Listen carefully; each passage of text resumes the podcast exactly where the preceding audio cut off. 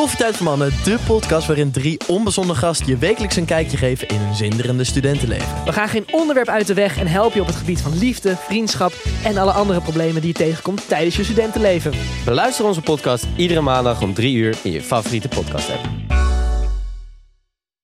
Een hele goede middag allemaal. Leuk dat jullie weer luisteren naar een nieuwe aflevering van Borrelpraat met Niels en Thijs Boermans. Vandaag hebben we een hele speciale gast in de zaal. Het is niemand minder dan Octave Duram, oftewel Okkie.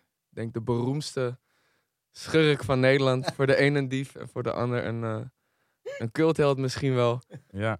We danken je dat je wil komen vandaag. We hebben ontzettend veel vragen. Ik denk dat dit een unieke aflevering wordt. ja, want we krijgen nu natuurlijk ook een beetje een kijkje achter de schermen van een wereld die voor ons niet zo heel erg bekend is. Ik zou ons ook wel een beetje als kleine boefjes beschouwen. Maar ik denk dat het toch een andere categorie boef is dan deze man hier. Tof dat je er bent. Ja, Jullie ook bedankt dat ik hier mag komen. En eh, ik vind wel wat hebben dit ook. Ik, eh, met Twee van die brave rikken. Maar we kunnen jou nu wel eh, officieel ex-meesterdief noemen, toch? Dat woord, dat woord meesterdief is eh, ontstaan uit van... ja, ik moet een catchy naam hebben voor mijn biografie, boek. En eh, nou ja, ik vond Judas natuurlijk super, super catchy ook. Omdat het, ja, het boek zegt... De naam zegt alles. Echt verraadt het op de botten. En eh, iedereen heeft het daarover. Ik denk, ja, ik moet ook een naam hebben. Maar wat, wat zeg je nou? Ja. En toen zei iemand, een Engelse jongen, zei tegen mij... Ja, skeleton key. Ik dacht, ja, skeleton key betekent moedersleutel. En eh, een andere was ehm, eh, Access All Areas. En toen dacht ik, ja, maar dat, dat, dat pakt niet, weet je. En toen dacht ik, nou, oude meesters, dief, meesterdief. Bleek in het Engels achteraf ook nog leuk te zijn, masterdief.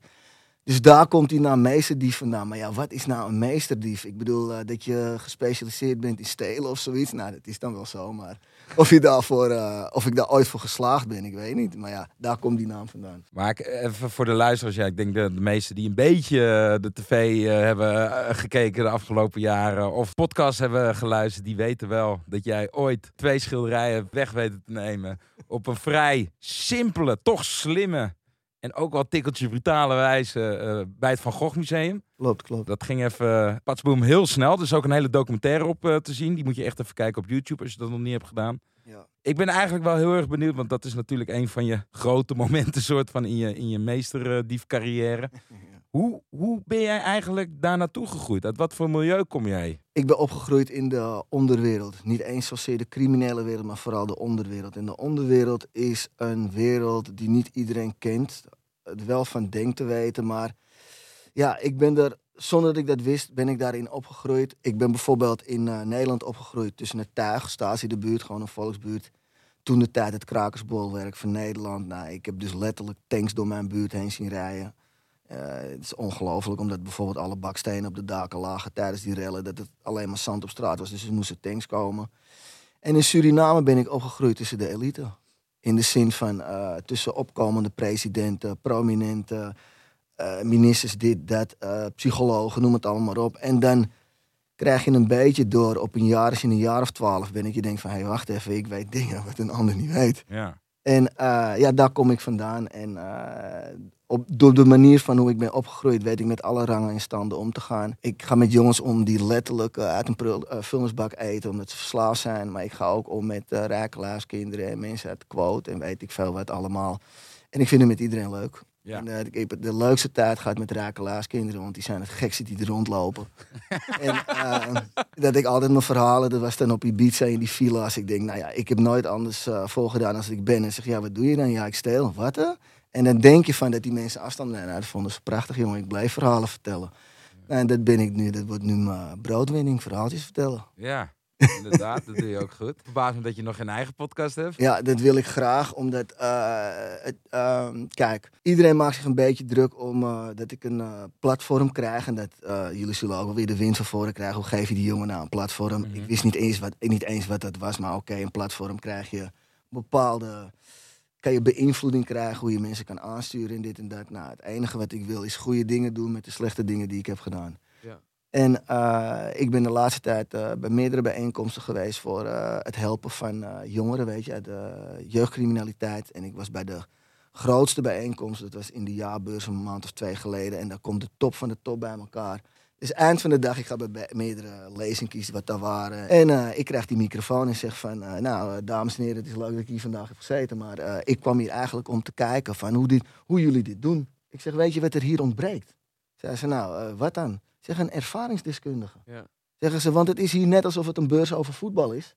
En Ruud Gullit loopt rond en niemand gaat naar Ruud Gullit. En ik loop hier rond, niemand herkent mij. Nee. Ik weet niet hoe of wat. Want het rare is van misdaadbestrijding is, dat is een van de weinige vlakken die wordt aangepakt door mensen die niet in de misdaad zitten. Ja. Als jij eh, de weg is stuk, ga je een eh, wegenbouwer eh, halen. Is er een gebouw niet goed, haal je een ingenieur erbij. Is je televisie kapot, haal je een eh elektricien erbij. Maar naast wat met de misdaad komen een paar uit het gooien die pedagogisch zijn opgeleid. Ja. En die willen een of ander jongetje gaan begeleiden die zijn vader aan de krek zit, zijn moeder is een hoer, zijn zus zit vast, zijn broer is doodgeschoten. Dat gaat niet, grap. Maar ik ben wel... je kent die film Catch Me If You Can, toch? Ja, Dat- ja, ja, dat, is een waar gebeurd verhaal met die Frank Ja. Abagnale Jr. Ja. Die is uiteindelijk voor de inlichting in Amerika gaan werken. Omdat ze Ja. dachten, zou jij daar zeg maar een soort van open voor staan om de, de verdediging van allerlei musea's en andere eh, evenementen op orde te krijgen? Zou je Ja, daarvoor heel, heel eerlijk, dat is al aan de gang. Ik werk Ja? samen met Arthur Brand, dat is de wereldberoemdste kunstdetective. Ze noemen hem de Real Indiana Jones. Alleen, ik ben niet een type wat met politie aan tafel gaat zitten of met de FBI of wat soort dingen. Dat gaat niet. Ik heb te Zo maken, gaat het niet. omdat ik met meerdere lagen te maken heb. Ik heb te maken met het OM, ik heb te maken met eh, het, gewoon de maatschappij. Want ja, ik ben toch, begin toch langzaam toch wel een jongen te worden. Ja, ik ben een halve BN'er. Ik noem me eigenlijk maar de CN'er. Ik- Weet je, een criminele Nederlander. Maar ik moet iedereen tevreden houden. Als ik, ik want ik doe die dingen al wat je zegt. Ja. Maar eh, als er een benarde situ- situatie is, eh, waar Arthur Brand zeg maar tien jaar over doet in onderzoek, is voor mij een drie uur appen. Als ik een naam weet, kan ik iemand benaderen. Ik kan overal naartoe lopen. Ik kan elke buurt in Nederland binnenlopen. Elke groep. En dan is het van, hé hey jongens, je moet je houding weten aan te nemen, respect te tonen. Maar ik heb de geluk. Dus, hé, hey, Okie, kom hier en dit en dat. Waardoor je heel veel dingen kan oplossen. Want het verhaal tussen Arthur Brand en mij is een catch me if you can verhaal. In het buitenland wordt het heel veel vergeleken. Ik heb al kunststukken terug laten brengen. Of Mhm. althans in bemiddeld. En mijn doel is met Arthur Brand is dat er niet mensen worden gearresteerd. Want dat kan niet. Als Arthur Brand één keer doet dat er iemand gearresteerd wordt, dan houdt mijn band met hem op. Ja. Dat kan niet. Ja. Ik moet rekening houden met iedereen. Ik heb een verantwoording die ik moet afleggen. Ik moet toestemming soms vragen. Dit, want ik heb te maken met gewoon het zwaarste van het zwaarste. En, ehm, bijvoorbeeld, er maken mensen de opmerking: ja, eh, jij komt uit de Champions League. Ik zeg nee, ik kom niet uit de Champions League. Waar ik mee te maken heb, is de FIFA zelf. Dit zijn echt bazen gewoon. Echt, die echt hier te vertellen hebben van hoe wat zit en wat er is. Dus wat jij vraagt, ben ik al mee bezig. Omdat het is ook einde misdaadperiode. Het is gewoon een criminele holocaust wat hier in Nederland aan de hand is. Trouwens in heel Europa. Ja. Vanwege die Encro-hack, die Sky-hack, die cryptotelefoons. Ja.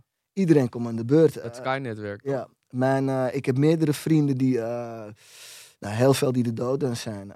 Veel zijn op de vlucht, veel zitten er vast. En ik heb vrienden erbij die gewoon levenslang staan te wachten, weet je. En eh, die moet ik ook op een bepaalde manier tevreden houden. Toen ik mijn Ja. boek ging schrijven, zeiden heel veel gasten ook, waar ga jij het over hebben? Zeg ik over mezelf. Nou, die waren erbij, die hadden de rotzenuwen. En toen dat boek kwam, toen zeiden ze, jezus, ook als dat het was, had je mij wel kunnen vertellen. Had je van mij ook wel wat kunnen doen. Maar men weet niet en nu hebben we daar meer rust in. En wat ik al zei, eh, waarom ik ook die podcast wilde luchtplaats, eh is ik ben gemotiveerd geraakt door de podcast van Najib Amali en Reda over eh, wat kan er nou gebeuren over drugsgebruik. Ja. En dan zie je dat bij de eh, reacties dat de mensen, oh hier heb ik echt wat aan, omdat je mee kan vergelijken. Ja. Of als, als je wat wil weten, dan denk ik, hey, ik ken ook zo'n situatie waardoor je je rust in kan vinden. En toen dacht ik, dat bestaat niet over de misdaad. Ik bedoel, men weet wel alles over de misdaad via de bekende misdaadjournalisten. Maar ook een misdaadjournalist zit niet in de misdaad. Hij weet de dingen niet wat ik weet. En bijvoorbeeld eh, moeders hebben, en vaders hebben vaak hun, hun kind in beeld en zien dat ze afglijden, maar ze weten niet hoe dat komt. En in die podcast wil ik uitleggen hoe dat komt. En waar de pijn is, de verdriet en hoe iets ontstaat, de groepsdruk. Het eisen van als je uit een buurt komt dat je ook meedoet, anders ben je het lulletje. Dat soort dingen. Daaraan, dit weten ze gewoon niet. Want wat is namelijk het probleem? De reclassering, criminologen en mensen eh, die met jongeren willen helpen, die praten alleen maar met jongeren die over het algemeen snel in aanraking met justitie zijn geweest. Een topcrimineel praat niet met jou. En als hij wel met jou praat, mocht hij überhaupt gepakt worden, neemt hij de boel in de maling, want hij is super intelligent. Ja. Als die reclassering hem vragen stelt, die weet alles waar die reclassering naartoe wil en gaat eromheen. Dus jij krijgt nooit inzicht van wat hij weet en wat hij wil. Dus als je jongeren bij een topcrimineel wil weghalen, dat kan niet. Omdat ten eerste heeft hij heel veel geld en hij weet hoe hij ze moet paaien. En hij heeft ze nodig.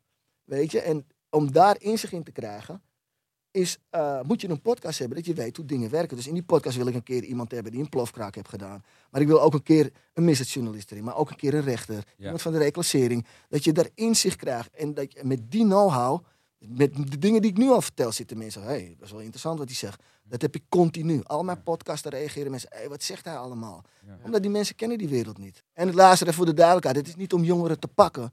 Je kan jeugdcriminaliteit kan je niet stoppen. Ze zijn te gemotiveerd door luxe en al dat soort dingen. En dat, dat is nou eenmaal zo. En het erge is nu, het klinkt hard of cru, maar je ziet kleine jochies veranderen in moordenaars en jonge leuke dames in hoeren. Is, Puur door luxe. is dat waar bij jou de charme ervan af is ge- Juist. gegaan? Ja, Van de criminaliteit. Dat heb je eens Daar doe je op dan. kan zien dat je intelligent bent, gaat. Vergeet één, één ding niet. Misdaad is leuk, hè?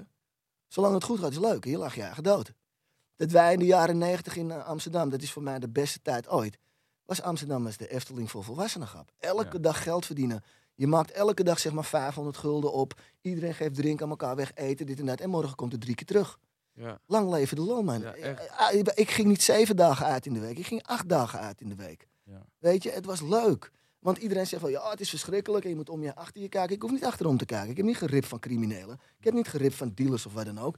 Ik heb altijd gestolen van bedrijven, banken, eh, museums, weet ik veel wat, alles. Ik heb jou in de documentaire horen zeggen die op YouTube staat.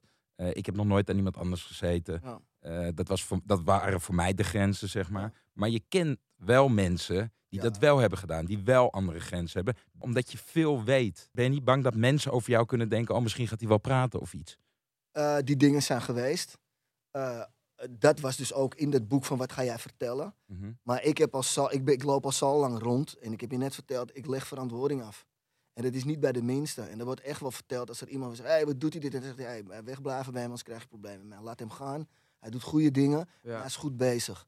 Want die dingen, wat ik praat, wat ik zeg. Het is ook, weet wat je zegt, maar zeg niet wat je weet. Als ik zeg wat ik weet, hey, krijg je een maatschappelijke ontwrichting hier. Dat wil je niet Dus jij, weten. kri- jij, be- jij behoudt eigenlijk je geloofwaardigheid omdat je zorgt dat, dat, dat niemand hier, eh, dat je zeg maar recht door zee bent met ook zowel de onderwereld Ja. als de mensen die Juist. dingen Ja. aan je vragen. De een moet daar een eed voor afleggen of een belofte. Ja. Ik niet. Ik heb een code. Ja. Die code, die, dit is niet zomaar. Je kan niet, de mensen waar ik mee omga, kom je niet zomaar mee aan tafel gaan. Echt niet. Die, die, die, die- die- die- die- kansloos om bij hun Dat kan gewoon niet. En hoe komt het dat ik wel met die mensen aan tafel ben gekomen? Omdat ik van jo- jongs af aan al in die misdaad onderwereld zit. In de bias heb gezeten. Mijn houding altijd weet eh, aan te nemen en respect te tonen.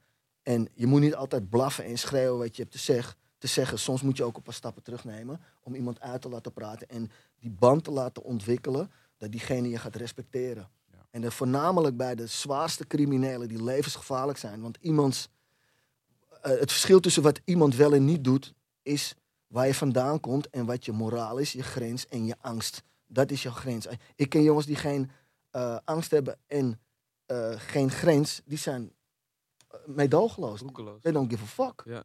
En ik kan juist, hoe gekker ze zijn, hoe beter ik met ze kan praten. Ja. Want ook hun hebben kinderen of een vrouw. Dat mensen soms zeggen tegen die vrouw, hoe kan je nou met die mafkees gaan?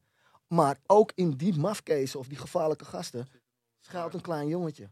Dat jochie die van kleins van rijk heeft willen worden, zijn vrouwen willen verzorgen, zijn kinderen goed naar school willen gaan, maar gaandeweg is hij keihard geworden. Beslissingen heeft moeten maken die hij niet wil, waardoor hij keihard is geworden. Maar die kant, als je die weet te bereiken, kan je met zo iemand over alles praten. Maar voordat je daar komt, Ja. het is bijna onmogelijk. Ik denk eigenlijk dat dat niet mogelijk is als je niet van, de, eh, van, de, van hetzelfde begin komt. Ja. Als je niet op bent gegroeid met dat soort mensen. Dus je moet weten hoe of wat en hoe, hoe iets ontstaat. Als iemand ontkent of niet begrijpt dat criminaliteit bestaat, dan kom je uit een ei of uit een grot. Ja. En vooral als je uit Amsterdam komt, want Amsterdam is de bakermat van de misdaad wereldwijd. En niet pas al fucking honderden jaren. Ja. Want wij zijn beestachtig met handel.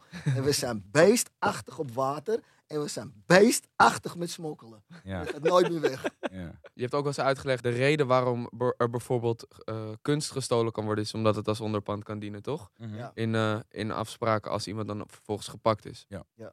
Van, Maar ik moet even erbij zeggen, dat is voorbij. Dat bestaat niet. Nee, nee, nee, klopt. Want dat is ook natuurlijk weer een incentive voor, voor Ja, om natuurlijk doen. onderpand te regelen. Maar het is heel simpel. Je hebt nu heel veel rijke jongens die aangehouden zijn en gezocht worden. De ene is nog rijker dan de andere. Die heeft 20 miljoen, die heeft 30, die heeft 500 miljoen, die 600.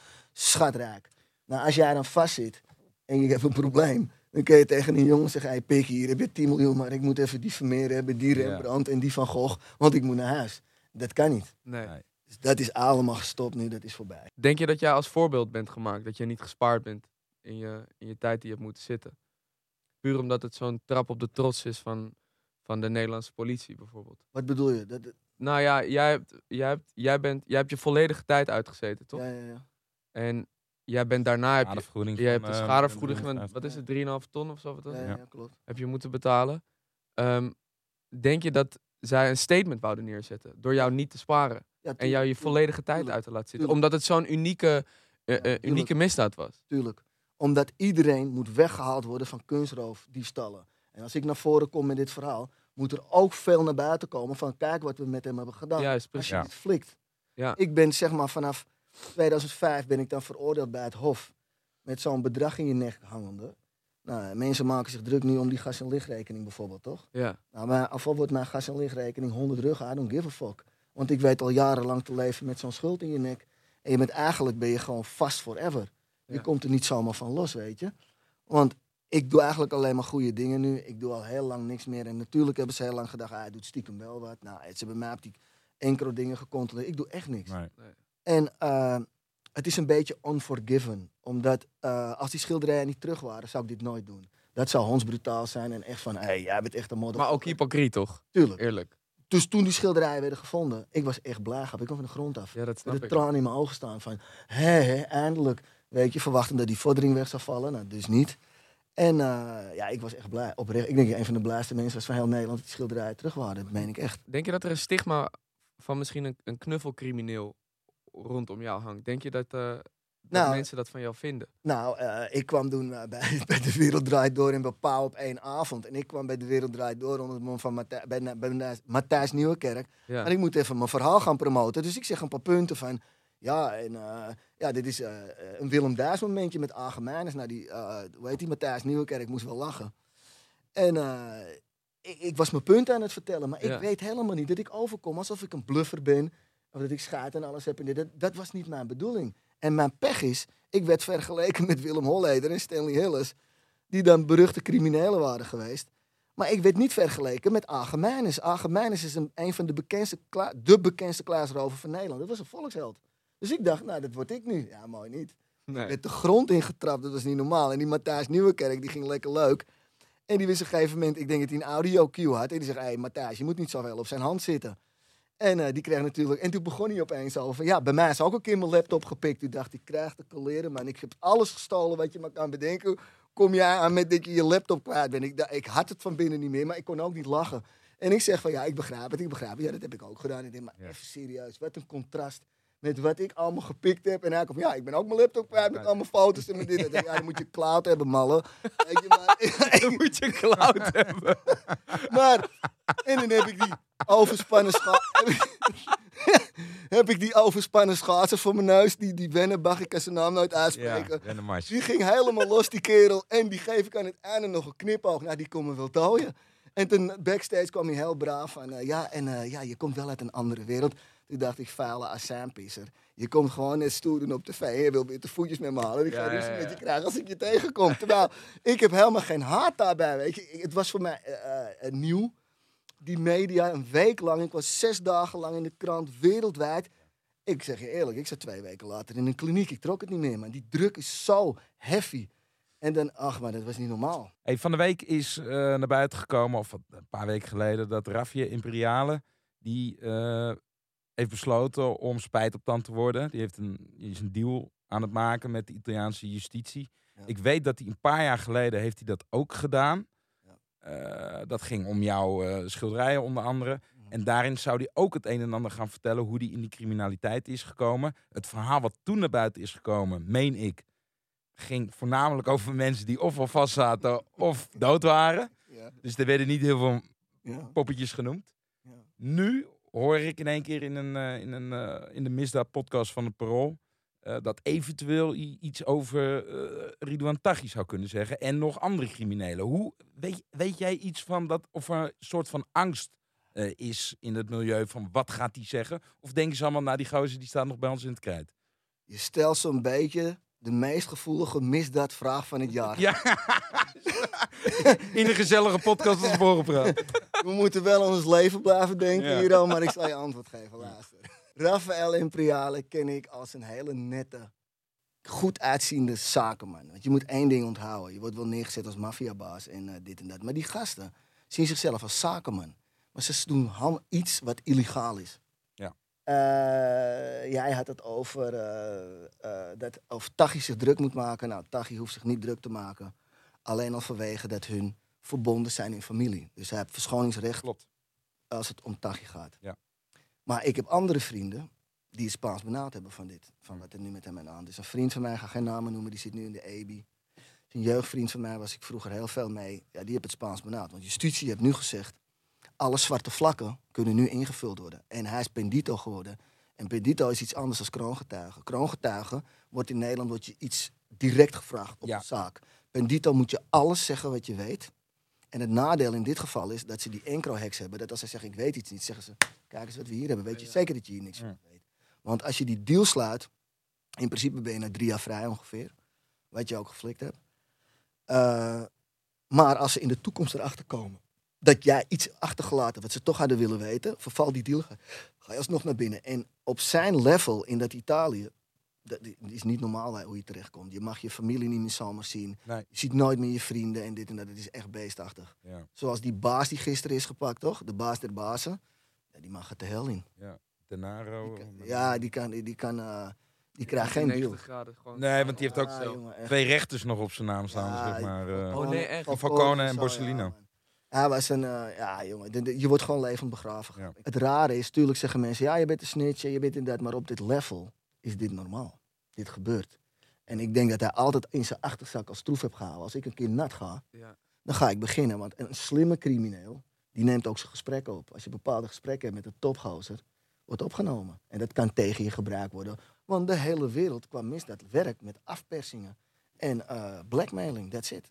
Je moet iets hebben op een ander en dan hou jij de controle, de macht. En zo werkt dat. En eh, ja, ik, ik hoop voor de jongens hier in Nederland dan die ik ken, dat Rafael alleen hoeft te verklaren over dingen in Italië. Maar als hij over Nederland gaat beginnen, want je moet wel één ding goed begrijpen. De man weet echt alles. Maar hij weet ook alles van vijanden. Ja, Ja. Dus vijanden zet hij zo weg. Ja. erg. Zo. Ja, Maar dan moet hij ook nog oppassen, lijkt me. natuurlijk niet, man. Nee, maar ik bedoel gewoon mensen om hem heen. Nee, dat wordt, kijk, dit wordt allemaal gefixt. Ja. De man is schatrijk. Eh, papieren wordt geregeld. Je gaat naar een ander land. Weet je, Ik ga- zeg wel, ik zeg- tegenwoordig, ik- tegenwoordig ga je volgens mij niet meer naar, naar, naar, Dubai? naar Dubai, maar naar Istanbul, volgens mij. Dat, Ja, dat maar, ja, maar kijk, de- omdat daar niet wordt uitgeleverd. Dat maar ik. loop je niet veilig. Istanbul word je gewoon geliquideerd. Hè? Maar je moet naar een land wat crime-free is. Hij zou bij wijze van spreken terug kunnen naar, naar Dubai, maar ook niet. Omdat op dat level, als je zo hoog bent, dan gaan ze ook andere manieren eh, voor je verzinnen om je dood te maken. Bijvoorbeeld, je hoort wel over eh, eh, liquidaties en zo. Maar op dat level kan je ook Svetlana halen, weet je. Die je vergiftigt en die kost 10 miljoen. Die gaat met je naar bed, gaat met je snaven. Die gaat een jaartje met je heen en weer. Elke een beetje rattengif in je vreten en opeens ben je dood. Zijn er, zijn er Svetlanas Ja, in de wereld zo- die zo, zo goed verdienen? Je hebt toch James Bond wel eens gezien? Ja, zeker. James Bond gaat niet dood door een tank, niet door een kernwapen, niet door 20 Maar oezies. Wat pakt hem? Een wijf. Ja. Dat is een Achilleshiel van elke man, denk ik. Het is natuurlijk ook een dingetje in Rusland, hè? Al die Russen die, eh, die verdwijnen. Dat is zo, is Dat veel... eh, Daar wordt sowieso ook zijn. veel vergiftigd, hè? Ja, die zijn er heer en meester in gaan. Ja. Je hebt bepaald spul. Ja, toen een paar jaar geleden op het vliegveld in Japan of zo, Korea. klopt. Met die spuit. Ja. Voep. En dat ging snel? Ja, ik weet wat het is, dat bestaat echt. gewoon. Volgens mij is dat, eh, hebben ze bij die Fidel Castro, hebben ze echt, die, hij is nooit vermoord. Volgens mij wou de, de CIA wou hem echt op meer dan 600 manieren vermoorden. En uiteindelijk is het, ze hebben het ook echt geprobeerd, maar letterlijk, hij hield van duiken bijvoorbeeld. En dan gingen ze explosieven leggen in de, in de, in de stenen waar hij ging duiken bijvoorbeeld. Dat ze bedachten de meest, meest creatieve manieren, het was hem gewoon nooit gelukt. En toen zelfs bij een vrouw, keek hij zijn vrouw aan en toen zag, keek hij naar zijn drankje. Toen zei hij van, wil je me vermoorden? Toen pakte hij zo zijn wapen, zei hij, dan schiet me maar. En toen schoot ze hem niet. Toen is hij uiteindelijk gewoon uit, van ouderdom overleden. Ja. Kijk, weet je wat het is ook met die criminelen die allemaal vluchten? Kijk, ik begrijp niet dat iedereen allemaal naar de Dubai ging. Want dat is iedereen. En dan heb je die DIA loopt foto's te maken en dit en dat. Als je nou echt gezocht wordt en je hebt 300, 400 miljoen, dat zou ik echt doen. Hè? Zou ik naar een Arabisch land gaan, een shaleba, boerka, alles erop en eraan, een paar tieten erin, mijn lippen opgespoten. en ik zou echt als vrouw rondlopen, net zo lang tot het rustig is mijn kinderen en mijn vrouw laten overkomen met drie, vier jaar. Zeg, nou, wen maar even aan die tieten, maar die zijn met vijf jaar zijn die weer weg. Maar we moeten even onder de radar. Dat had ik echt gedaan. En Dat is wel een goeie. Dan kan je nooit je nooit af te doen. Je laat Nee. je legitimatie zien. Nu alleen maar zo op die lippen, baf. Oké, dit is een vrouw. Ja. En doorlopen. Ja, man. Misschien is het een tip voor iemand, maar...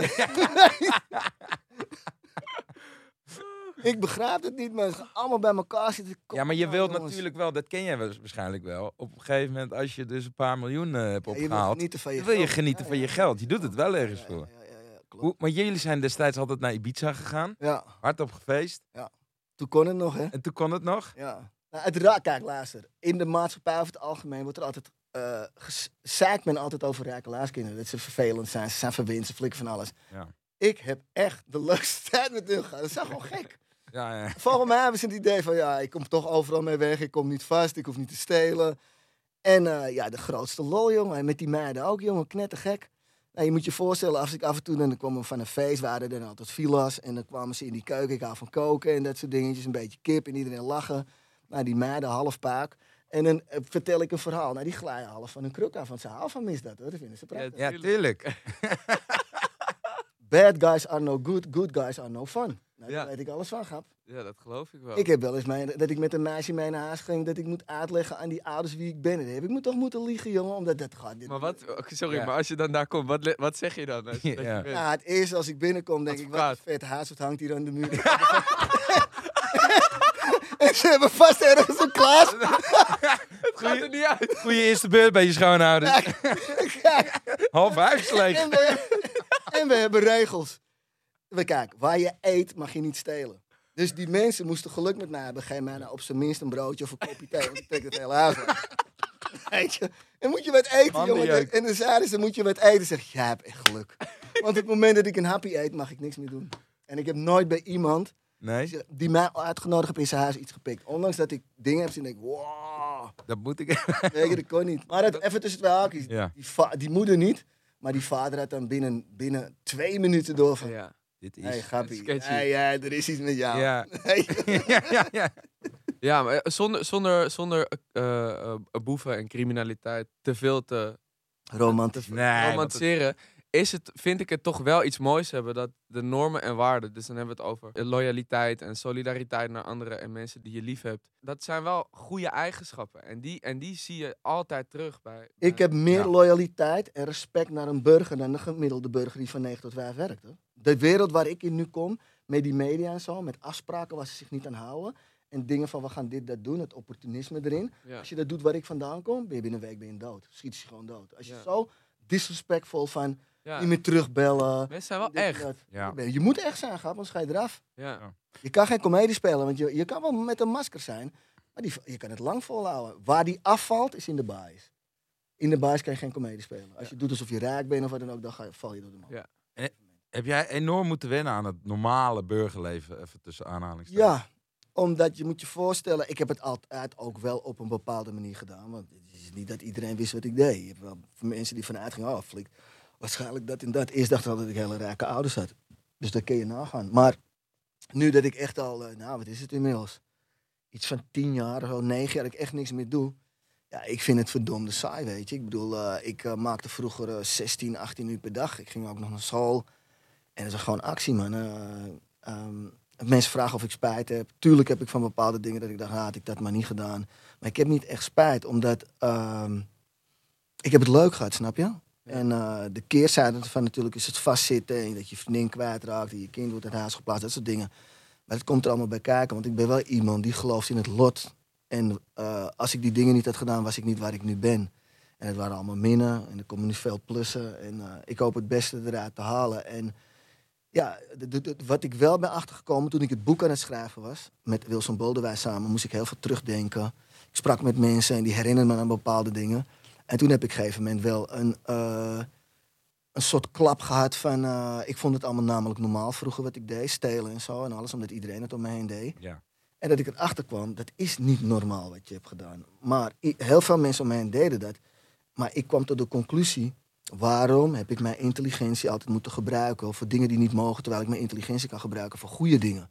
En dat gebeurt nu. En daar kreeg ik wel een klap van. En toen had ik door, toen ik dat boek schreef, van, het is alsof het, eh, alsof het iemand anders was, weet je. Het is niet schizofrenie of zoiets, maar het is echt dat ik denk, ik kijk er ook na- naartoe. Als je ook op die Van Gogh roof kijkt en dat mensen er naar kijken, dan denk ik ook van, jezus jongen, ja, is echt gek in je hoofd, jongen, dat je dat deed. Want het klinkt wel simpel, maar als ik het je helemaal uitleg, en dat zie je op een andere documentaire bij Arte, dat is van Art Crimes, dat is een serie van zes beruchte kunstroven. Ik was een van de eerste die ze dan twee maanden geleden hebben uitgezonden. En dat is echt een reconstructie. Die Nederlandse documentaire is de persoon, het bekennen, Ja. Weet je? Ja. En die was een, is echt een reconstructie van wat er echt gebeurd is. En wat daar is gebeurd is gewoon is echt een, een goocheltruc gewoon wat daar is gebeurd. Ik bedoel, er zijn er meerdere partijen ramen. En eh, waar ik de ramen heb ingeslagen is de enige plek waar de ramen iets dunner waren. Nou, dit is gewoon puur geluk. Als ik het andere raam had gepakt, was het mislukt. Ja. Ik ga met een ladder omhoog. Eh, er zit ernaast, drie meter naast een man die zit gewoon te schrobben. Ja. Die is alleen maar zo te doen en je bent klaar. Die ziet ons niet. We gaan het dak op. Ik sta nog rustig op het dak te kijken. De tram gaat voorbij. Dit, dat. Doe die, die, die, eh, dat touw om die vlaggenstok heen. Die hangt omlaag. Dat als iemand het ziet, denkt, ja, dat is het touw van de vlaggenstok. Alles is over nagedacht. Meer, meer dingen hoor. En eh, wij slaan het kapot. Beveiliging zit binnen. Politie komt eraan. We staan op het dak. De politie staat eraan. En we gaan via de achterkant weg. Ik spring praktisch van het dak af.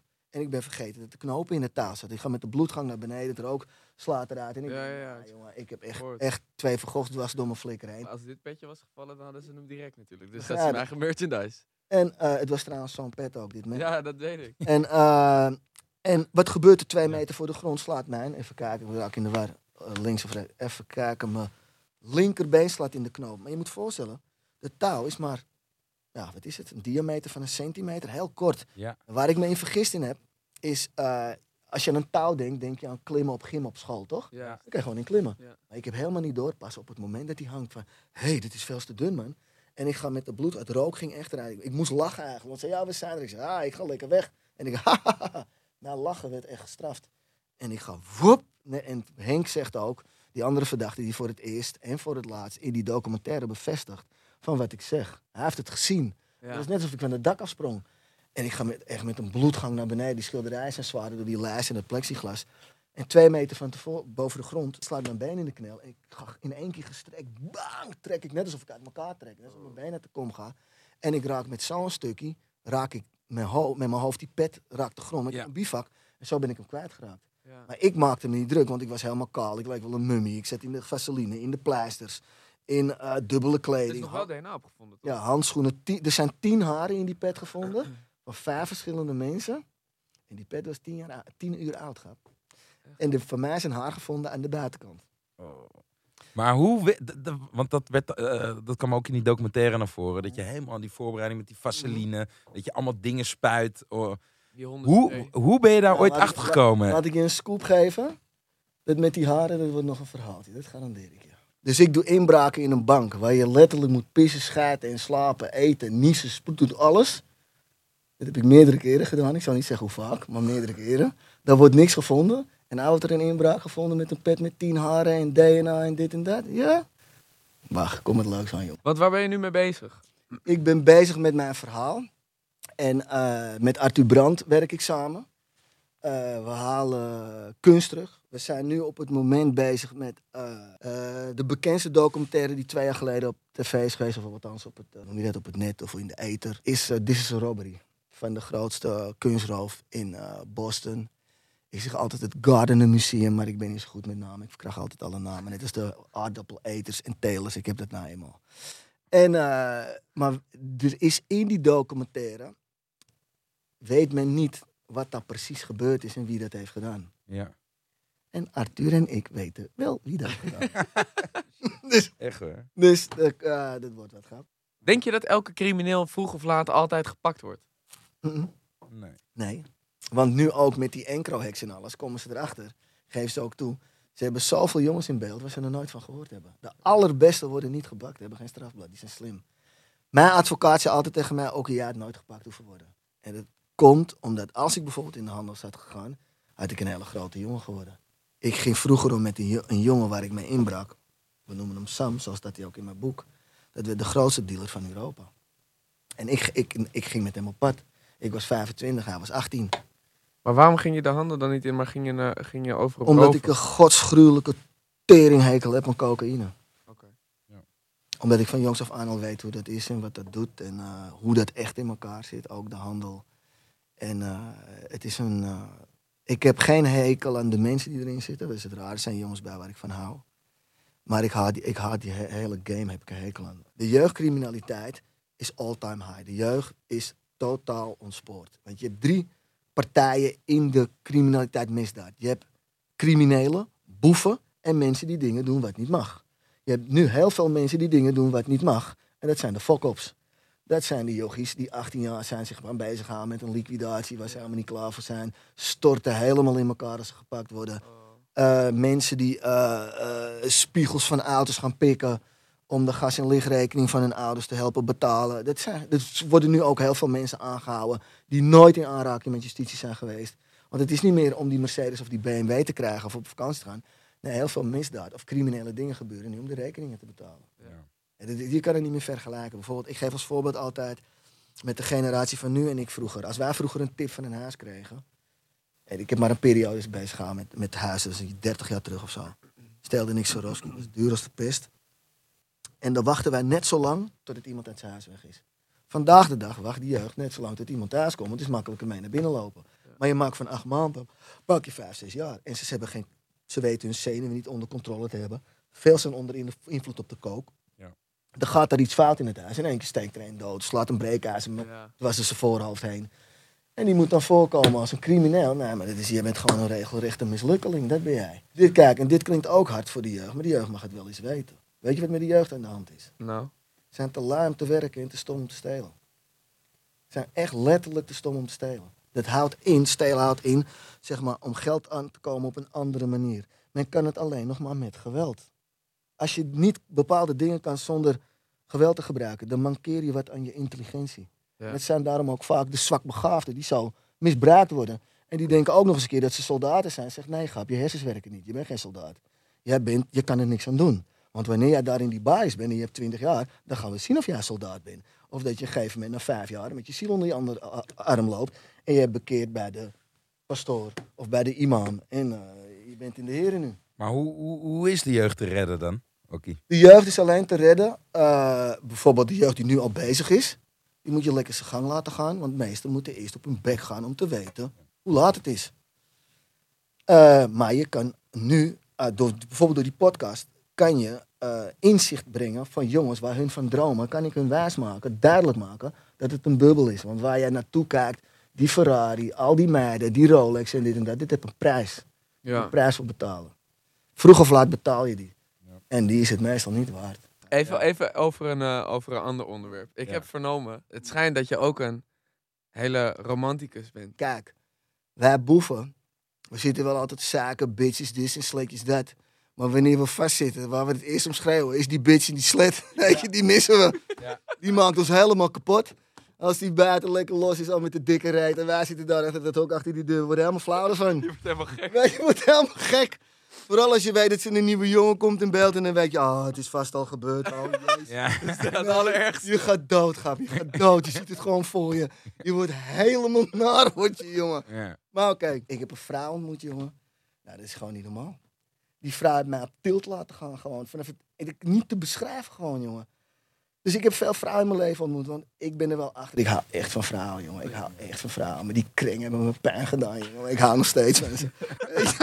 Ik, ik, ik, ik, hey, echt. Ik, ben een, ik ben een mama's kindje. Ik ben opgegroeid echt door mijn moeder. Ik was, mijn moeder was eh 32 dat ze mij kreeg. Dus dat is redelijk op leeftijd ik was dus zeg maar 16, 15 dat mijn moeder in de overgang ging. Dus ik kreeg ook al die dingen mee. Dat weten mannen nu nog niet. En ook in zo met vrouwen omgaan en respect, dit en dat. Ja. Dan neem je een vrouw in de maling, ze gaat je terugpakken. Jij weet niet, weet alleen die gabber en God. Voor de rest weet niemand. Vrouwen kunnen heel goed hun mond houden, wij mannen niet. Wij praten, we zeggen alles. We zeggen alles tegen hun beste vriend. Een vrouw weet dingen, dat weet zij en God. En ze hebben ook bepaalde leugens die wij niet hebben.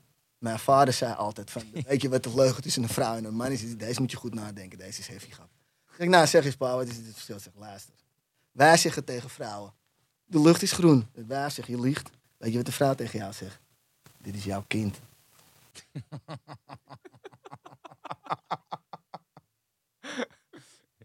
Wat hè? Ja. Met meiden was het natuurlijk, eh, vooral met uitgaan is gewoon leuk. Ik bedoel, eh, als je twee, drie leuke meiden krijgt en die komen bij staan, komen Ja. je vriendinnen ook bij staan. Die vriendinnen waar je mee bent, die moet je goed houden. Die vriendinnen kan je ballen, dat maakt niet uit. Maar die waar je goed mee bent, die moet je nooit aanraken.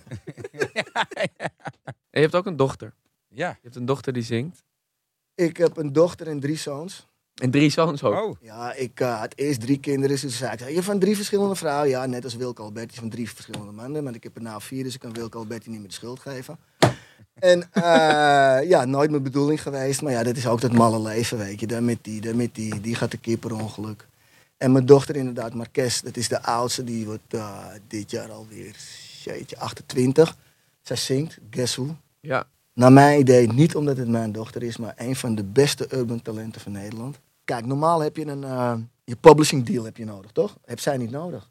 Als je haar Instagram in de gaten houdt, wie haar volgt, is van Cardi B tot Metro Booming, London on the Track, Oh ja. Eddie Riley, alles. Dat is gewoon niet normaal, man. Waar zij mij aan de telefoon zit. Eh hoe heet die andere? Trey Songs. Oh ja, ja, ja. Bel haar gewoon op, man. Dit- Wat gebeurt hier? Hun zeggen allemaal, wat doe jij in Nederland? Ja. Ja, je gaat, ik, het rare is dat, ehm, nou, ik ben toch wel zo langzamerhand een beetje het ultieme voorbeeld van een jongen die de misdaad heeft gelaten op het rechte pad wil. Van alles wil doen, series, podcasten, eh, jeugd helpen, mijn dochter die goed kan zingen. Maar het gaat niet makkelijk. Het is Nee. het moeilijkste wat ik ooit in mijn leven heb gedaan. Om, zeg maar. Kijk, ik ga met Arthur Brand doe ik natuurlijk heel veel dingen. Arthur Brand heeft ongelooflijk veel contacten. Vooral legaal, maar ook qua criminelen. Maar qua criminelen heb ik ook heel veel contacten. En eigenlijk runnen wij met z'n tweeën een soort geheime dienst of zo, weet je. Wat wij aan info krijgen en alles. Dat is is een dynamisch duo zijn we. Ja. Ja, het is ongelooflijk. En eh, wij gaan dus ook zelf een paar documentaires maken. En eentje ervan wordt van de Pink Panthers. Ja? Want iedereen, hoort- net wat ik zeg, men hoort wel altijd over misdaad, maar men weet niet hoe of wat. Nee. En eh, wat het met de Pink Panthers is, het is ehm, de naam is ontstaan omdat er ooit eentje een diamant gepikt, eh, gepikt heeft. En het was of de Pink Panther of iets als uit de Pink Panther. En zo kwamen ze op die naam. En eh, omdat het werd ermee vergeleken. Zoiets. Of die diamant wat ze pikte heette. Zo. Hun houden zich bezig met alleen maar grote roven door heel Europa. Het heeft ook een reden waarom ze dat kunnen. Dat kan ik alleen niet vertellen. Nee. De meeste zijn ex-militairen. Kunnen heel goed omgaan met explosieven en dit en dat. En hun staan ook bekend om het minimum aan geweld. Ze gebruiken wel geweld, maar het minimum aan de persoon. Ze blazen een muur eruit. Ze hebben in Zweden bij een eh, gelddepot op het dak geland. Hebben ze de, de, de, de klazen opengeslepen op het dak. Dat ze konden maar met, ik noem maar wat, met drie man met die helikopter weg. Dat ze gewoon een paar tassen eruit moesten gooien, anders kon die helikopter de lucht niet in. Hebben ze iedereen die in Zweden een helikopter kon besturen, hebben ze gearresteerd.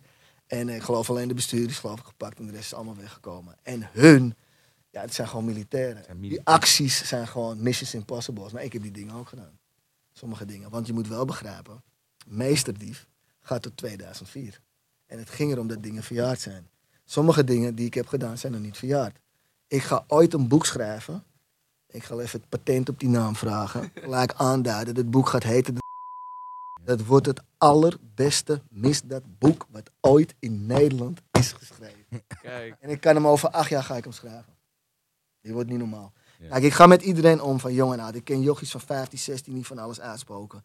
Maar ik ken ook een paar oude rotten ook van 80 die gepensioneerd zijn. En door dat, door die generaties en rassen. En ik ga met iedereen om, met Chinezen, met Russen, met Surinamers, met Antillianen, met Nederlanders.